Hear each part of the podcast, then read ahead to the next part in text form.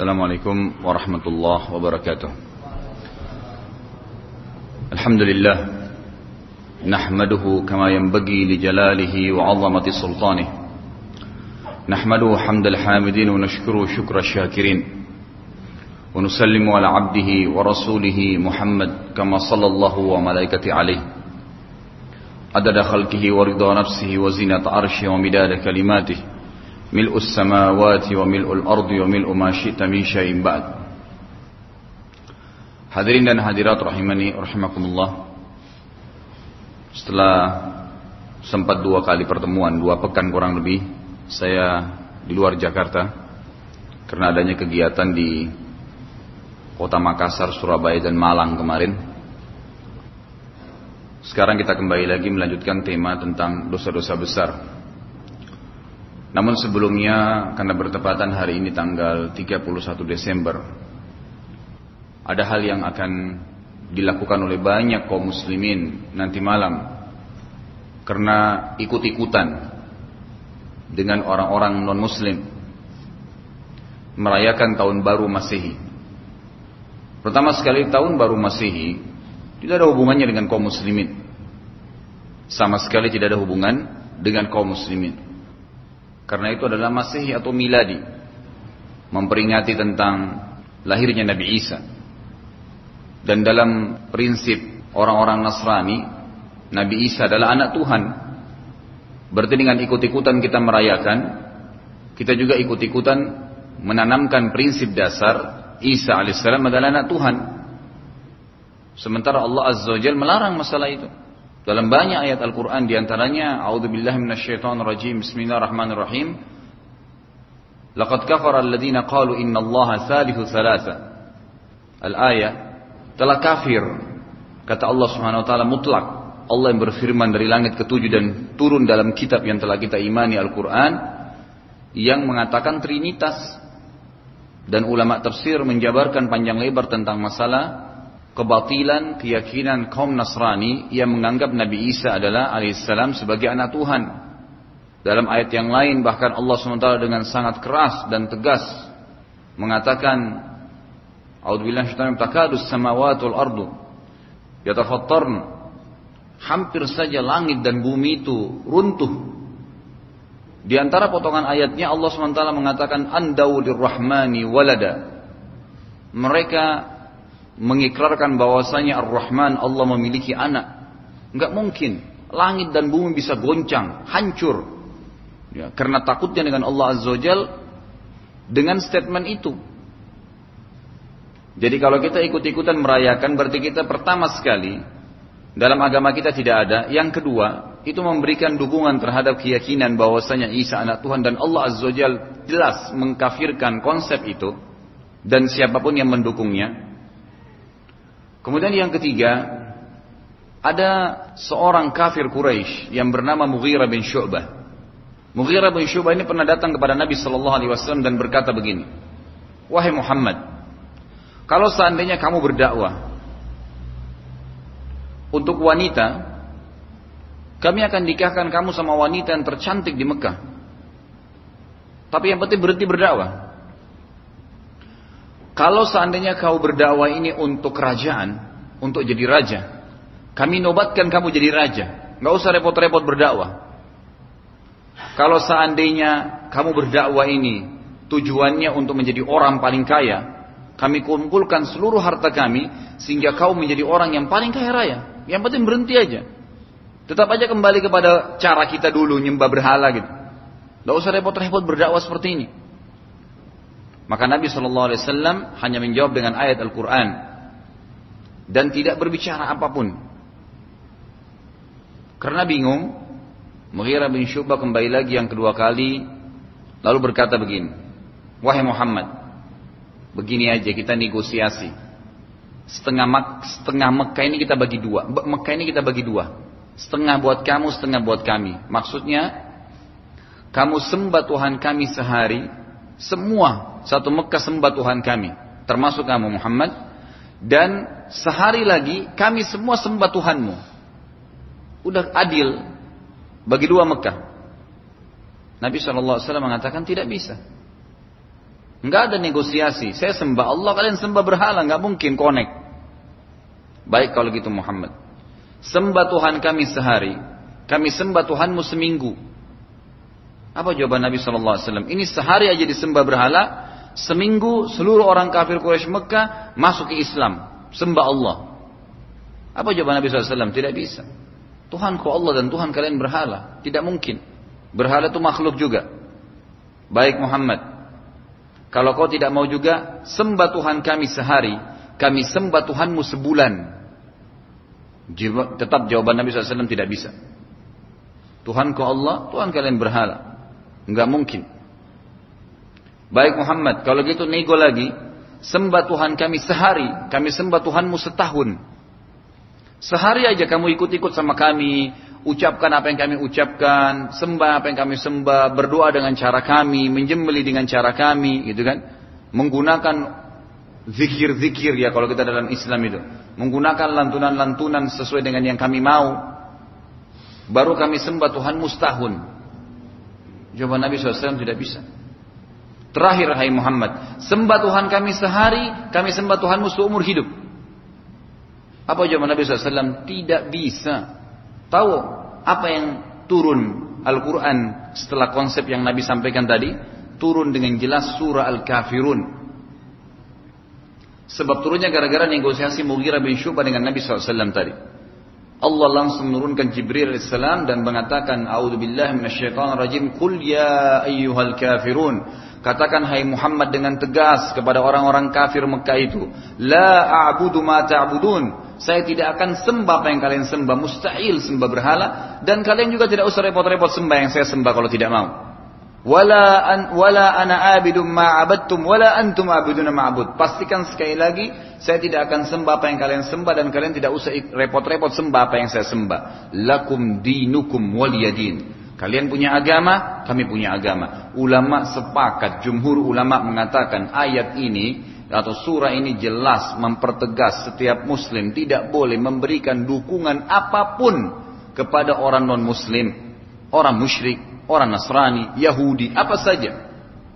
Terutama yang berhubungan dengan masalah ibadah mereka. Mengucapkan Natal, mengucapkan tahun baru. Sekarang ada program di gereja nasional di Indonesia. Itu kalau lebaran, mereka pasang spanduk di depan gereja mereka seperti Anda biasa lihat. Selamat puasa, selamat lebaran Idul Fitri. Itu ada targetnya tuh. Supaya setiap masjid juga pasang spanduk selamat Natal dan tahun baru dia atau mereka mendukung kita dengan mengucapkan selamat nggak masalah karena kita dalam keadaan benar udah jelas kok dan kita memberikan dukungan kepada mereka berarti kita dukung terhadap ibadah mereka. Mengucapkan selamat Natal berarti selamat ya anda benar. Kan gitu. Ini biarpun cuma kata-kata tapi berpengaruh nggak boleh. Makanya pernah saya sampaikan kalau masih ingat kisah anak muda di Amerika yang ketemu dengan Muslim dengan Nasrani. Yang Nasrani bilang, kenapa kau tidak ucapkan kepada saya selamat Natal? Sebagaimana saya juga ucapkan kepada kamu selamat lebaran kalau kamu lebaran. Kata si muslim, kenapa kau tidak syahadat? Dia Nasrani bilang, itu kan cuma kata-kata. Kata si muslim, kenapa kau tidak syahadat? Kata si Nasrani, kalau saya syahadat berarti saya tinggalkan agama saya dong. Kata si muslim, bukankah itu cuma kata-kata? Kata-kata berpengaruh. Gitu kan? Anda mengatakan saya kafir kepada Allah, kata-kata itu sudah bisa masuk neraka. Wa Dan Anda mengatakan subhanallah atau asyhadu ilaha illallah, itu luar biasa menyebab masuk surga. Hati-hati dengan kata-kata gitu kan. Maka nggak boleh secara mutlak. Luangkan waktu sampai berjam-jam macet di jalanan, apalagi tambah lagi ya kemudaratan dan yang kesalahan dilakukan dengan cara tiup trompet. Trompet itu tradisinya orang Yahudi. Mereka tiup trompet di tahun barunya mereka, mereka tiup trompet di hari rayanya mereka. Untuk apa kita ini repot-repot? Ya muslim yang jual, ya muslim yang tiup, ya muslim yang begadang. Subhanallah gitu. Ini tradisi yang harus dihilangkan. Kalau tidak akan terus begitu tiap tahun. Makanya Nabi SAW sangat benar dalam sabda beliau SAW beliau mengatakan la tattabi'anna sunanan man qablakum shibran bi shibrin wa dhira'an bi dhira'in hatta idza dakhalu juhra dhabbin la dakhaltum ma'ah Qalu ya Rasulullah, ayahudu wa nasara? Qala sallallahu alaihi wasallam, faman? Kata beliau artinya, pasti kalian akan mengikuti nanti sunan, perilaku-perilaku, kebiasaan-kebiasaan, ibadah-ibadah orang-orang yang sebelum kalian sejengkal demi sejengkal, sehasta demi sehasta. Sampai kalau mereka masuk ke dalam lubang biawak pun kalian ikut-ikutan. Trompet-trompet juga, ribut-ribut juga, begadang-begadang juga, nyak lagu-lagu juga, menari juga, diskotik juga, semua buat macam-macam. Apa yang dibuat kaum non-muslim semua dibuat. Lalu kata sahabat, Ya Rasulullah, apakah yang anda maksud itu yang kami ikuti Yahudi dan Nasrani? Apa jawaban Nabi SAW? Lalu siapa lagi? Lalu siapa lagi? Jadi memang kita tidak boleh ikutin mereka. Saudaraku, tolong yang dengar ceramah ini sampaikan kepada seluruh muslim dan yang nonton juga nanti sudah diupload di web saya. Maka dalam Islam perayaan tahun baru Islam aja nggak ada. Coba anda datangkan kepada kami dalil satu saja. Kalau Nabi SAW pernah tahun baru Hijriah rayain, kumpulin sahabat, ayo kita rayain yuk. Pernahkah Khulafaur Rashidin Abu Bakar, Umar, Uthman, Ali merayakan? Pernahkah ada sejarah dalam dinasti Umayyah, dinasti Abbasiyah yang merayakan tentang adanya tahun baru Hijriah? Belum pernah, sama sekali tidak pernah ada. Kita mau merayakan tahun baru Hijriah karena patokannya tahun baru Masehi. Nasrani buat, kenapa kita nggak buat? Buat juga. Nah karena sudah terlanjur dibuat dan itu berhubungan dengan tahun baru Islam, dibuatlah acara. Doa akhir tahun lah, sholat di awal tahun lah, zikir tertentu di karang-karang. Terjadilah ibadah-ibadah yang Nabi SAW tidak pernah ajarkan. Maka kita keluar dari rel wahyu. Kalau anda tidak rayakan kenapa? Tidak ada sesuatu yang hilang gitu. Malah kita kembali kepada kemurnian agama. Islam saudaraku tidak pernah berubah dari zaman Nabi Shallallahu Alaihi Wasallam. Yang berubah itu kita. Islam nggak pernah bermasalah. Makanya kata Nabi SAW, Al-Islamu ya'lu wa la yu'la. Islam itu selalu tinggi dan mulia, tidak pernah terkalahkan. Selalu. Kapan itu terjadi? Kalau kita terapkan benar-benar yang halal kita nikmatin, yang diperintahkan kerjakan, yang haram ditinggalkan, dan yang dilarang itu semua dijauhi. Sudah selesai. Kita nggak butuh hukum-hukum dari agama lain kok, nggak butuh. Lalu untuk apa saudaraku luar biasa kita luang-luangkan waktu yang tidak ada manfaatnya? Akhirnya sholat malamnya ketinggalan, gitu kan? Akhirnya kemaksiatan terjadi, belum yang muslimah tidak tutup aurat, belum bercampur baur, belum yang berzina, yang luar biasa. Semoga Allah berikan hidayah gitu. Sekali lagi tidak ada manfaatnya saudaraku dan Islam sudah jelas agama kita ada. Jadikanlah Islam itu sebagai prinsip hidup anda, jangan balik. Prinsip hidup ditarik ke agama nggak bisa. Atau sering saya bahasakan budayakan Islam dalam kehidupan kita, bukan tradisi dan adat istiadat kita dibudaya diislamkan. Salah. Jadikan Islam sebagai budaya, jangan budaya diislamkan. Karena nggak bisa ketemu antara budaya kita kan. Sekarang kalau suku saya terbiasa perempuannya terbuka bajunya, kelihatan semua. Islam mengatakan pakai jilbab, nggak bakal ketemu. Tradisi suku saya biasa ke kuburan, kasih sesajen. Kita kadang-kadang kalau lihat tahun baru Islam Hijriah itu luar biasa sampai ada masyarakat-masyarakat di pinggir pantai yang bawa sesajen. Bawa makanan, bawa ini dicemplungin di laut. Ini perbuatan syirik. Dari mana ini? Makanan anda makan halal bismillah kasih anak yatim. Yang ada perintahnya kenapa di lautan dicemplungin gak ada manfaatnya. Yang tidak masuk di akal gitu. Makanya harus kembali kepada agama Islam ini yang, dan harus masuk ke Islam ini secara keseluruhan. Makanya Allah mengatakan A'udzubillahi minasyaitonirrajim. Bismillahirrahmanirrahim. Ya ayyuhalladzina amanu dkhulu fis silmi kaffa wa la tattabi'u khutuwatis syaitan. Allah mengatakan al-ayat Hai orang-orang yang beriman, masuklah ke dalam agama Islam kalian yang sudah diajarkan itu secara keseluruhan. Semuanya. Dari bangun tidur sampai tidur. Cara pakaian, cara makan, cara berjalan, cara ngomong, cara menikah, cara berumah tangga, cara berbisnis, cara berpolitik. Semua ikuti Islam. Yang halal nikmatin, yang haram tinggalkan. Dan jangan ikuti langkah-langkah dan bisikan setan kata Allah. Karena dia selalu mau menyesatkan kita. Maka mudah-mudahan Allah berikan hidayah. Ini satu hal yang disayangkan sekali ya. Kita bisa lihat sekarang mungkin yang hadir di pengajian kita ini berapa baris, berapa orang. Dan perhatikan sebentar orang yang macet di jalanan dengan tiup trompet. Berapa banyak. Sudah uangnya dibeli trompet, trompet juga habisin suara dia. Kan gitu. Nggak ada manfaat sama sekali. Pulang rumah begadang, ngantuk, capek, bensin habis. Untuk apa gitu? Nggak ada maslahat sama sekali.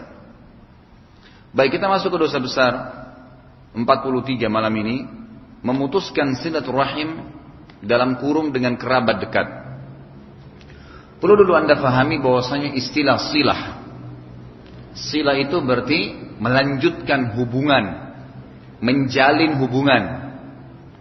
Rahim artinya orang yang punya hubungan darah. Berarti dari definisi ini tidak tidak tidak benar secara bahasa ya. Itu kalau saya berkata pada teman saya, saya akan silaturahim ke rumahmu ya. Tidak tepat. Karena silaturahim untuk kerabat saja. Istilah silaturahim. Kalau sesama muslim ukhuwah. Persaudaraan ada. Tapi silaturahim tidak. Jadi salah kalau katakan kita saling silaturahim ya. Kemudian datangnya ke tempat teman-teman atau silaturahim akbar. Itu salah. Kemudian yang di situ adalah warga kota mana misalnya. Nah, tidak ketemu. Secara definisi itu salah. Kenapa kita penting membahas tentang definisi? Karena yang berhubungan dengan masalah hadis-hadis yang kita akan bahas nanti dosa-dosa besar memutus silaturahim ini, kalau orang tidak paham itu hanya berhubungan dengan kerabat, maka dia anggap juga kalau dia tidak berhubungan sama temannya berarti dapat dosa ini juga. Salah. Lain. Memutus ukhuwah itu lain. Kalau ada orang dalam Islam, Muslim, teman saya, tapi ternyata dia ahli maksiat, saya berusaha untuk menasihati tidak mau. Maka saya boleh putus hubungan sama dia. Boleh. Bukankah dalam hadis yang sahih dikatakan tujuh golongan yang akan dinaungi Allah pada hari kiamat tidak ada naungan kecuali naungan Allah. Di antaranya dua orang yang saling mencintai karena Allah, bertemu karenanya, berkumpul karena dan berpisah karenanya. Artinya selama sahabat kita itu adalah orang yang soleh kita jadikan teman. Selama dia sudah fasik, meninggalkan agama, bisa mempengaruhi kita dalam maksiat maka tinggalkan. Itu ukhuwah. Boleh dijalin, boleh enggak? Gitu kan? Artinya boleh kita dekat, tapi tetap kita hormati sebagai seorang muslim. Tapi kalau silaturahim berbeda. Walaupun kerabat kita itu jahat, tetap kita nggak boleh mutus. Nggak boleh mutus. Tetap kita harus berhubungan sama dia. Maka beda. Banyak sekali nih. Kadang-kadang halnya sepele dari definisi tapi sudah luar biasa pengaruhnya kepada penerapan hukum syar'i. Baik, di sini dikatakan memutus silaturahim dengan kerabat dekat, bagian daripada dosa-dosa besar. Kita lihat beliau mengangkat dalil. Yang pertama adalah surah An-Nisa ayat 1. Imam Az-Zahabi dalam kitab kabairnya mengangkat dalil pertama An-Nisa ayat 1. A'udzubillahi minasyaitonirrajim. Potongan ayat yang dijadikan saksi wattaqullaha alladzi tasaaluna bihi wal arham itu lanjut ayat Inna Allah kana alaikum raqiba. Dan bertakwalah kepada Allah, artinya bertakwa patulah pada Allah satu-satunya Tuhan yang dengan mempergunakan namanya kamu saling meminta satu sama yang lain. Artinya dengan kita tahu perintah Allah, saling bantu membantu, saling memberi, saling minta tolong itu karena namanya Allah, artinya hukumnya Allah Subhanahu wa taala. Dan dikatakan peliharalah hubungan silaturahim. Selalu jaga hubungan silaturahim. Kemudian dikatakan dalam kurung maksudnya adalah takutlah bahwasanya kamu sampai memutuskan hubungan silaturahim. Dalil yang kedua adalah surah Muhammad ayat 22 dan 23 yang bunyinya a'udzubillahi minasyaitonirrajim bismillahirrahmanirrahim. Fahal asaitum in tawallaitum an tufsidu fil ardi wa tuqatti'u arhamakum. Ulaika alladziina la'anahumullahu fa'asammahum wa a'ma absarahum. Maka apa kiranya jika kamu berkuasa artinya pada saat kamu diberikan kelebihan kekuasaan jabatan kamu akan membuat kerusakan di muka bumi Di sini ulama tafsir mengatakan berarti siapa pun yang Allah berikan jabatan Malah dia harus membuat atau melakukan kebaikan bukan malah membuat kerusakan dan memutus hubungan silaturahim. Mentang-mentang sudah punya jabatan, nggak mau kenal lagi kerabatnya. Mereka itulah orang-orang yang dilaknat Allah. Saya sudah jelaskan laknat artinya diangkat berkah hidupnya. Kalau dia tidur nggak cukup-cukup. Kalau dia makan nggak pernah cukup, malah berpenyakit. Dia pakai baju nggak nyaman, itu laknat diangkat berkahnya dari apa yang sedang dia nikmati gitu. Mereka itulah orang-orang yang dilaknat Allah dan ditulikan telinga mereka serta dibutakan penglihatan mereka. Kata para ulama, umumnya orang-orang yang membuat kerusakan seperti ini, apalagi dia memerangi kerabatnya, memutus silaturahim dengan mereka, maka kalau tidak ada salah ya, tidak ada penyebab dari kerabatnya itu. Tidak ada sesuatu yang menyebabkan dia memutus secara syar'i tentunya ya. Maka Allah tutup hidupnya dengan ditulikan kupingnya atau telinganya dan dibutakan mata mereka. Kata Nabi Wasallam di dalam hadis yang sahih riwayat Imam Bukhari dalam Kitabul Adab, La yadkhulul jannata qati'u rahim. Tidak akan masuk surga orang yang memutuskan tali silaturahim. Juga perlu ada tahu satu hal, ada hadis Nabi Wasallam yang berbunyi, telusuri jalur nasab kalian. Cari tahu nih kakek saya nikah sama siapa? Oh nikah sama dari Jakarta ternyata nikah sama orang dari Sumatera misalnya nenek saya. Nenek saya ini punya saudara berapa orang? Oh tiga orang namanya fulan, fulan, fulan. Nikah sama siapa mereka? Oh nikah sama ini kalau orang mau sedikit ya mengikuti hadis Nabi seperti ini. Menulis jalur keturunannya, telusuri itu. Kemudian dia punya anak berapa orang nih? Ternyata kakek saya bersaudara tiga, nenek saya bersaudara tiga. Masing-masing menikah sama fulan, fulan, fulan punya anak. Masing-masing misalnya dua-dua orang. Kemudian yang dua-dua orang ini ternyata sudah nikah juga dengan orang ini. Orang ini punya anak sekian, tinggalnya di sini. Kita punya informasi. Ini tujuannya agar kita mendapatkan fadilah. Pada saat kita menelpon mereka atau kita melanjutkan silaturahim nantinya kita melanjutkan hubungan menjalin hubungan dengan mereka pahalanya ada sendiri. Pahala silaturahim namanya. Bahkan ada seorang sahabat Nabi itu pernah berkata ya Rasulullah ada harta yang saya ingin infakkan. Yang mana saya dahulukan ada fakir miskin tapi tidak ada hubungan kerabat dengan saya dan ada fakir miskin ada hubungan kerabat sama saya Kata Nabi Shallallahu Alaihi Wasallam, kalau kau berikan miskin yang punya hubungan kerabat denganmu, maka engkau akan mendapatkan dua pahala. Pahala silaturahim dan pahala sedekah. Dan subhanallah sudah menjadi sunnatullah saudaraku.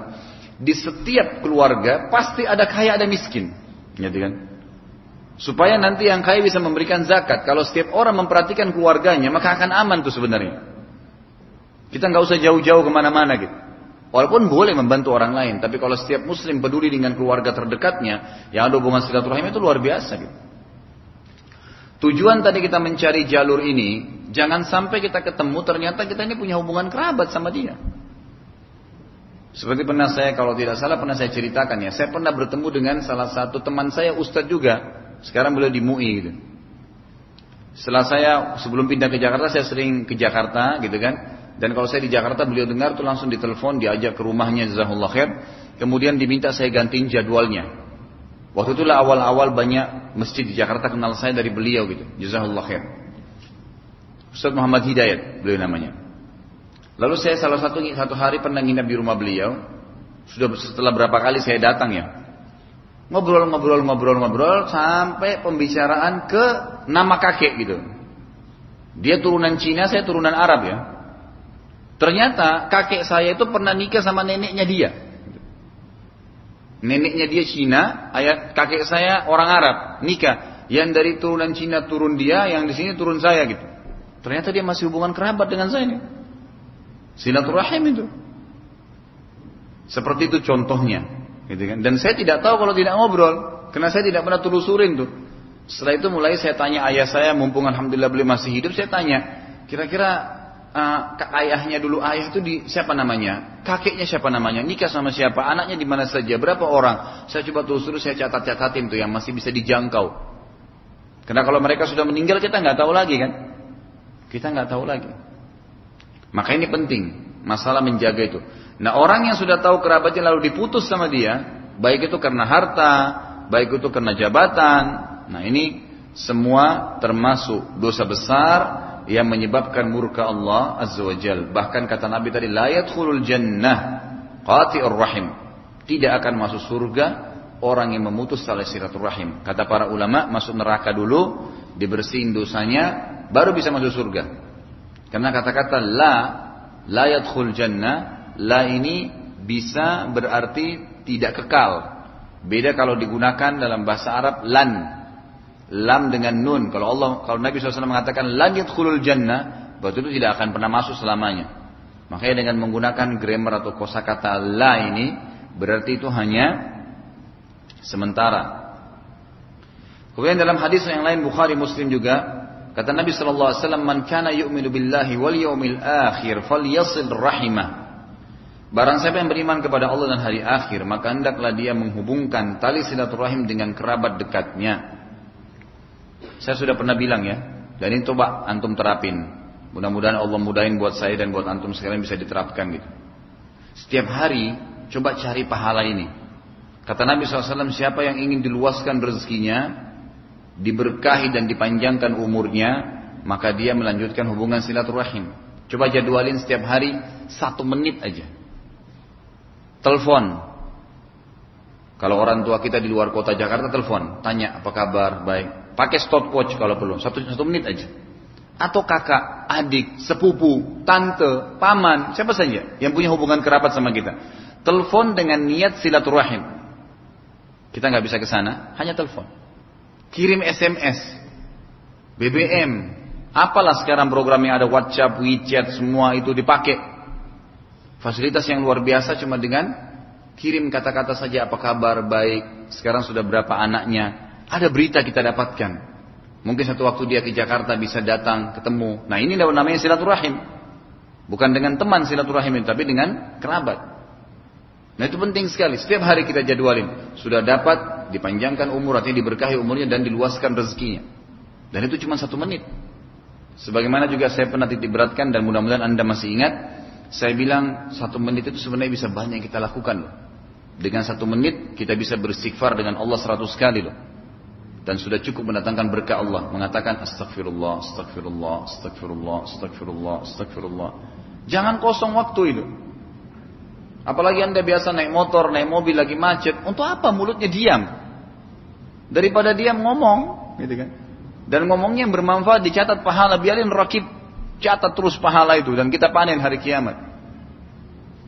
Astagfirullah, astagfirullah, astagfirullah. Allah mengatakan, A'udzubillah minasyaitonir rajim. Waktu Nuh berkata, "Wa qul istaghfiru rabbakum innahu kana ghaffara, yursilis samaa'a 'alaikum midrara wa yumdidkum bi amwalin wa banin wa yaj'al lakum anhara wa yaj'al lakum jannati wa yaj'al lakum anhara." Kan itu jelas. Beristighfarlah kalian kepada Tuhan kalian, maka Allah akan bukakan pintu berkah dari langit. Allah akan tambahkan harta kalian keturunan kalian. Allah luaskan bagi kalian kebun-kebun, hasil panen. Allah SWT janjikan, satu menit. Saya kadang-kadang gunakan hanya jarak lampu merah, nunggu lampu merah itu, satu menit. Kalau sudah selesai zikir pagi misalnya, di mobil lah saya lagi ke taklim, saya coba ambil Quran depan saya, coba saya baca. Subhanallah, satu menit itu bisa pakai minimal itu satu setengah lembar. Setengah lembar sudah bisa dibaca Quran. Daripada duduk, melongo, lihat mobilnya orang warna apa, bannya apa, untuk apa? Nggak ada manfaatnya. Orang mukmin harus berpikir apa yang saya dapatkan nih dari menit ke, dari detik ke detik kalau perlu. Catat apa lagi nih rokib nih? Suruh catat dia nggak apa-apa. Lebih baik karena dengan dia catat kita masuk surga dapat derajat yang tinggi gitu kan? Itu penting sekali. Satu menit kita bisa memberatkan timbangan kita hari kiamat. Bisa mengundang cintanya Allah satu menit.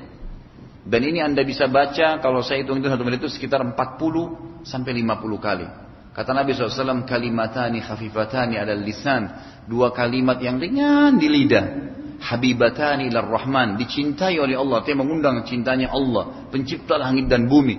Sakilatani fil mizan. Berat sekali di timbangan hari kiamat. Subhanallahi wa bihamdi. Subhanallahil azim. Lagi naik motor, nggak butuh repot-repot kok. Sambil jalan, Subhanallah bihamdi, subhanallahil azim, subhanallah bihamdi, subhanallahil azim. Ini kurang lebih kalau anda konsen, setan tidak sempat mencuri detik-detik kita, maka insya Allah 40 sampai 50 kali bisa. Satu menit bisa beratkan timbangan. Satu menit bisa dapat harta karunnya surga, bisa 50 peti. Hmm. Ini bukan harta karun dunia aja, kalau kita dapat kita sudah gembira.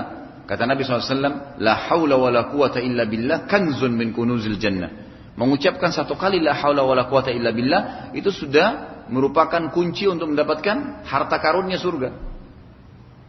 Kenapa apa susahnya? La haula wala quwata illa billah, la haula wala quwata illa billah. Ini juga bisa kita baca 40 kali. Ya bilang 30 kali lah, nggak masalah. 20 kali nggak masalah. Sudah alhamdulillah itu, sudah nikmat. Siapa yang membaca Subhanallahil azim wa bihamdi kata Nabi SAW akan ditanamkan untuknya setiap satu kalimat itu satu pohon kurma di surga. Itu untuk nanam pohon kurma lama sekali. Tunggu buahnya juga susah. Tapi ini langsung pohonnya siap sudah berbuah. Dengan subhanallah wa subhanallahil azim wa bihamdi. Kan banyak sekali. Siapa yang membaca la haula eh, la ilaha illallah wahdahu la syarika lahu mulku wa wa huwa ala kulli syai'in qadir 100 kali pada pagi hari dan dia baca juga 100 pada sore hari. Maka pada saat dia baca pagi hari ya di pagi harinya ada fadilah. Di sore hari juga tetap sama. Kalau dia baca maka dia akan diselamatkan dari godaan syaitan dalam bentuk apa pun. Dan dia akan datang pada hari kiamat membawa pahala. Tidak ada yang menyamai pahala dia kecuali orang yang berbuat seperti dia atau lebih. Dan banyak sekali contoh-contoh berhubungan dengan masalah ini. Sama juga dengan membaca salawat kepada Nabi SAW kalau saya biasa terapkan itu subhanallah satu menit itu bisa seratus loh Allahumma salli ala Muhammad Allahumma salli ala Muhammad Allahumma salli ala Muhammad Allahumma salli ala Muhammad Allahumma salli ala Muhammad bisa seratus kali itu apa manfaatnya? Kata Nabi SAW yang memberikan salam kepada saya satu kali, Allah berikan salam kepada dia sepuluh kali. Bagaimana salamnya Allah? Tambahan rahmat. Apa itu rahmat dari Allah? Mudahin urusannya, disembuhin penyakitnya. Ya macam-macam diberikan rahmat dari Allah. Satu menit, maka maksimalin itu. Terutama yang saya katakan tadi adalah silaturahim.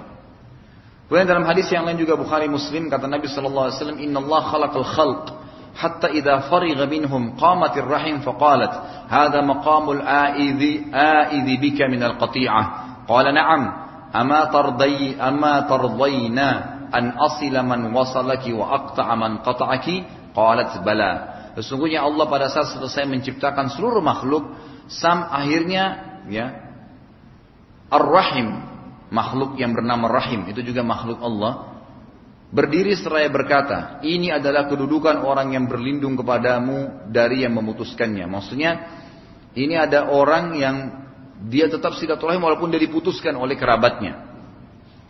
Maka kata Nabi, eh, eh, kata Allah Subhanahu Wa Taala, ya. Apakah kau ridha wahai rahim? Kata Allah. Aku menyambung hubungan dengan orang yang menyambungmu dan memutuskan hubungan dengan orang yang memutusmu. Kata Rahim, iya, tentu saja. Artinya ini dialog antara Allah SWT pemberitahuan yang sifatnya gaib kita nggak tahu, tapi diimani bahwasanya Allah SWT dialog dengan Rahim dan Rahim itu juga adalah makhluk Allah Subhanahu wa taala. Semua ini makhluk Allah ya. Kita lihat fisiknya atau tidak. Termasuk karakter kita sendiri. Perilaku pada kita semua adalah makhluknya Allah. Sifat marah, sifat senang, kan gitu. Itu semua makhluknya Allah Subhanahu wa taala. Semua itu makhluk, termasuk juga rahim. Maksiat juga semua Allah ciptakan, tapi Allah larang kita untuk melakukannya dan Allah menciptakan kebaikan dan diperintahkan kita untuk melakukannya. Hadis selanjutnya muttafaqun alaih kata Nabi sallallahu alaihi wasallam man ahabba an yubsata lahu fi rizqihi wa yunsa lahu fi athari falyasir rahimah. Siapa yang suka rezekinya diluaskan baginya dan diakhirkan ajalnya, maka hendaklah dia menyambung silaturahim. Ya. Di sini maksudnya sebenarnya bukan diakhirkan ajalnya ya, Artinya dia akan dikenang dan diberkahi hidupnya. Maka dia menyambung silaturahim karena tidak ada istilah diakhirkan ajal. Terjemahnya keliru ini. Karena Allah sudah mengatakan ajal tidak akan ditelambatkan sesaat ataupun bertambah sesaat. Juga dikatakan dalam hadis yang lain, riwayat Bukhari dalam Kitabul Adab, Ar-rahimu mu'allakatun bil arsh taqul man wasalani wasalahu Allah wa man qata'ani qata'ahu Allah. Ar-Rahim tergantung di singgasananya Allah dan dia berkata, siapa yang menyambungku, Allah pasti menyambungnya. Artinya Allah akan penuhi kebutuhannya. Sampai sebagian sahabat dan salaful ummah, kalau mereka lagi punya masalah, mereka cari orang-orang yang punya hubungan kerabat, lalu sengaja mereka datang ke rumahnya, kunjungin, tanya kabarnya. Karena mereka tahu dengan silaturahim Allah juga akan menyambung hubungan dengannya. Dan siapa yang memutusku, maka Allah pasti memutusnya. Ini terutama teman-teman yang sudah di Jakarta, apalagi kalau orang tua anda masih hidup, jangan diputus. Termasuk memutus silaturahim kata para ulama adalah tidak peduli dengan keadaan mereka. Tidak pernah tanya kabarnya. Setahun nanti lebaran baru telepon orang tuanya, dia nggak pernah tahu. Atau nanti kalau orang tuanya punya hajat, baru kemudian dia ditelepon. Tidak saudaraku, tiap hari jadwalin. Tanya terus ibu kita, ayah kita. Kalau perlu beliin samponya. Ayah sama ibu pakai sampo apa? Beliin, kirimin dari Jakarta walaupun di, di, di, di Padang ada, di Makassar ada nggak apa-apa di tempat mereka tinggal. Kirimin. Atau siapa kayak dari sana bisa beliin dia supaya dia penuhin semua kebutuhannya. Karena itu luar biasa itu. Apalagi orang tua sendiri ya. Itu sangat penting. Kemudian dikatakan juga di dalam hadis yang lain, riwayat Bukhari juga sama dalam uh, riwayat Abu Dawud, mohon maaf dalam kitab eh, Az-Zakah dan juga Imam Tirmidzi. Yaqulullah Ta'ala man wasalaha wasaltuhu wa man qata'aha batattuh. Allah SWT berfirman tentang rahim, siapa yang menyambungnya niscaya aku akan menyambung hubungan dengannya dan siapa yang memutuskan hubungan dengannya niscaya aku akan memutuskan hubungan dengannya. Kemudian Allah SWT berfirman dalam surah Ar-Ra'd ayat 25 A'udzubillahi minasyaitonir rajim walladzina yanquduna ahdallahi min ba'di mitsaqihi wa yaqta'una ma amara Allah bi an yusala yusda fil ard ulaika lahumul la'natu wa lahum su'ud dar. Orang-orang yang merusak janji Allah setelah diikrarkan dengan teguh. Ya artinya dia sudah mengikrarkan sudah syahadat mengaku muslim kemudian tidak menjalankan hukum Allah dan memutuskan sesuatu yang Allah perintahkan agar dihubungkan atau disambung. Itu silaturahim. Dan mengadakan kerusakan di muka bumi. Ganggu orang nipu orang ya. Bohong macam-macam. Yang dilarang oleh Allah Subhanahu wa taala. Orang-orang itulah yang memperoleh kutukan ya. Dan mereka mendapatkan tempat kediaman yang buruk nanti kalau meninggal maksudnya neraka jahanam kemudian dalam hadis yang lain juga Diriwayatkan Abu Daud dalam kitab Zakah sama yaqulullahu taala hadis qudsi Allah SWT berfirman Anar Rahman wa hiyar rahim. Man wasalaha wasaltuhu wa man qata'aha qata'tu. Allah SWT berfirman aku adalah Ar-Rahman yang maha pengasih dan dia adalah Ar-Rahim. Maksudnya makhluknya tadi ya. Ini menyambung hubungan kerabat. Siapa yang menyambungi saya aku menyambung hubungan dengannya dan siapa yang memutuskan niscaya aku memutuskan hubungan dengannya maka kami katakan kata beliau Imam Az-Zabi, siapa yang memutuskan keluarga dekatnya dari orang-orang yang fakir sedangkan dia kaya, maka ini yang dimaksud dengan hadis itu dan eh, yang dimaksud dengan hadis dan itu pasti. Begitu pula orang yang memutuskan mereka yang dengan sikap acuh, meremehkan dan masa bodoh. Sebagaimana Nabi Shallallahu Alaihi Wasallam mengatakan di dalam hadis riwayat Bukhari, eh, mohon maaf, di dalam Majmu' Az-Zawaid disebutkan oleh Al-Bazzar Silu arhamakum walau bisalam. Sambunglah rahim kalian sekalian ah, sekalipun hanya dengan mengucapkan salam saja. Sekalipun hanya mengucapkan salam saja. Baik saya tutup dengan kisah. Sudah masuk Isya belum? Ada kisah salah seorang syekh ceramah khutbah Jumat dia cerita dia bilang sementara saya lagi sholat, lagi lagi ya lagi sholat Jumat, mimpin sholat, tiba-tiba saja di rakaat kedua itu ada suara gemuruh di tengah masjid. Ternyata ada satu orang waktu dia lagi sujud itu jatuh. Orang-orang kira dia pingsan gitu. Udah pada saat dia selesai sholat dia bilang saya salam, lalu saya pegang micnya lalu saya katakan berikan dia tempat orang itu, jangan dikerumunin supaya dia bisa bernafas. Kemudian diberikanlah tempat dilowongkan, lalu ada sebagian di antara jemaah masjid yang bawa ke dokter rumah sakit terdekat. Lalu dokternya bilang begini, orang ini sudah mati kalau secara medis waktu dia masih di masjid. Terutama waktu dia masih sholat gitu. Kata syekhnya yang ceramah ini, saya juga tidak tahu namanya di video, saya cuma mendapatkan gambarnya di YouTube kebetulan, tapi ceramahnya luar biasa gitu, masih ada di HP saya gitu. Saya terjemahkan saja langsung dan dia katakan saya langsung mengatakan orang ini luar biasa. Allah tutup dia meninggal sementara dia sholat. Pasti ada perbuatan baiknya gitu. Sudah. Dia bilang saya telepon kakaknya dia, eh saudaranya dia, adiknya. Kebetulan orang ini kalau nggak salah namanya Muhammad disebutkan. Kemudian yang adik ini bernama Khalid. Bukan saya ya. Lalu si Syekh ini berkata kepada adiknya ini, apa yang dibuat sama kakakmu ini? Sampai-sampai, mohon maaf begini, e, kakakmu ini datang jauh-jauh sholat ke masjid saya sampai dia meninggal sementara sholat Jumat dengan saya. maka saya minta kepadamu saya mandikan kata syekhnya. Kata adiknya baik silahkan syekh. Dimandikanlah. Dia bilang selesai dimandikan dimakamkan segala. Malam pertama takziah sebagaimana kita tahu dalam sunnah ada tiga hari bertakziah.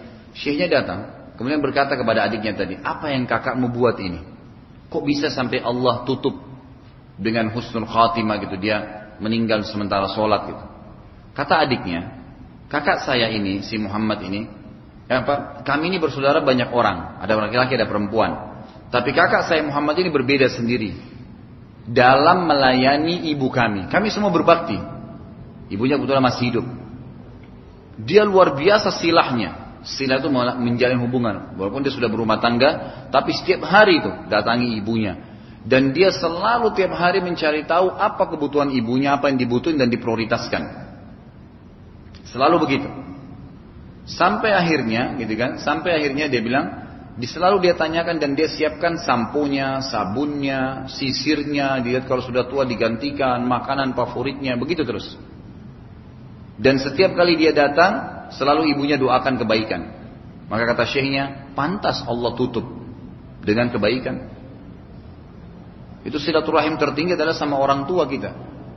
Sekali lagi saya temukan banyak sekali ikhwah akhwat kita ini yang sudah ngelupain orang tuanya. Bukan ngelupain dalam arti kata tidak mengingatnya tidak, tapi memang tidak pernah silaturahim, nggak pernah dijadwalin sama dia setiap hari itu telepon atau tanyain kabar mereka. Ada salah seorang syekh saya kalau tidak salah pernah saya sampaikan kisahnya. Beliau lagi ngisi pengajian di Jeddah. Kemudian ditelepon oleh ayahnya. Ayahnya bilang begini, Nak, saya mau undang orang dan saya butuh lima ekor kambing. Sudah selesai. Begitu saja. Tutup teleponnya. Syekhnya ini langsung dia bilang di pengajiannya, mohon maaf, ada keperluan saya dengan ayah saya, maka pengajian saya tutup. Padahal ayahnya ini ada di Kosim, jaraknya jauh, mungkin seribu kilometer. Tahu apa yang dilakukan sama dia? Sekalian dia gabungkan antara silaturahim dengan bakti dengan orang tuanya. Maka yang terjadi saudaraku adalah dia pergi dari situ tempat pengajian langsung pergi ke tempat pembelian penjualan kambing, beli lima ekor kambing, dia sewa satu mobil open cup, dinaikin kambingnya, dia setir sendiri dibawa ke Kasim seribu kilometer. Dia tidak sampaikan ke ayahnya nih, dia nggak bilang, misal kalau kita mungkin dari Jakarta lagi kerja ya, kemudian ayah kita telepon, oh ya baik ayah, saya transfer uangnya mungkin hari Senin misalnya. Nanti ayah bisa beli di sana, kan tetap tapi ini tidak. Dia karena ayahnya nggak jelasin, mau dibeli di mana, dia tutup dia jadikan sebagai kesempatan untuk jadi amal jariah. Maka dia pergi ke sana diantar. Sampai di sana diantarin ini ayah pesanan kambing anda, salaman pulang lagi. Seribu kilometer lebih jauh, lebih jauh jaraknya dari Jakarta ke Surabaya dengan naik mobil naik darat. Begitu mereka menjaganya itu luar biasa gitu. Dan mereka sangat tahu ini berkah, ini perintah dari Allah Subhanahu wa taala, maka jangan disia-siakan. Maka jangan disia-siakan. Ini terutama orang tua. Juga kata Nabi Shallallahu alaihi wasallam, dahulukanlah, dahulukanlah dalam menyambung hubungan itu adalah ibumu, ayahmu. Ya, kemudian saudarimu perempuan, jadi saudara perempuan itu didahulukan. Kemudian saudaramu laki-laki, kemudian orang-orang yang terdekat setelah mereka. Jadi artinya ini orang-orang yang kita dahulukan, prioritaskan. Ada orang mungkin di antara anda orang tuanya sudah mati, tapi kakak perempuannya masih ada. Adik perempuannya masih ada. Pernahkah anda telepon sama mereka? Tanya kabarnya. Kirimin hadiah. Ke. Kenapa kita nggak beli kue apa enak satu bungkus walaupun di Surabaya ada misalnya kirimin. Kasih. Ini dari saya. Niat silaturahim itu luar biasa. Itu akan memberikan manfaat. Baik. Ada juga sebuah hadis yang penting. Kata Nabi Wasallam pada saat seorang sahabat bertanya, bagaimana silaturahim yang baik? Kata Nabi SAW, engkau melanjutkan hubungan silaturahim dengan kerabatmu yang memutus hubungan denganmu. Justru itu yang puncak pahala. Bagaimana caranya? Misal ada seseorang paman saya atau kerabat saya nggak mau dengan saya marah misalnya. Jangan datang ke rumah saya ya. Baik, kita nggak datang, nggak apa-apa. Tapi kita nggak ada kebencian. Tetap kalau ketemu kita berikan salam. Tetap kita baik, walaupun dia marah misalnya. Itu namanya kita tetap silaturahim walaupun mereka memutus kita. Justru itu puncaknya.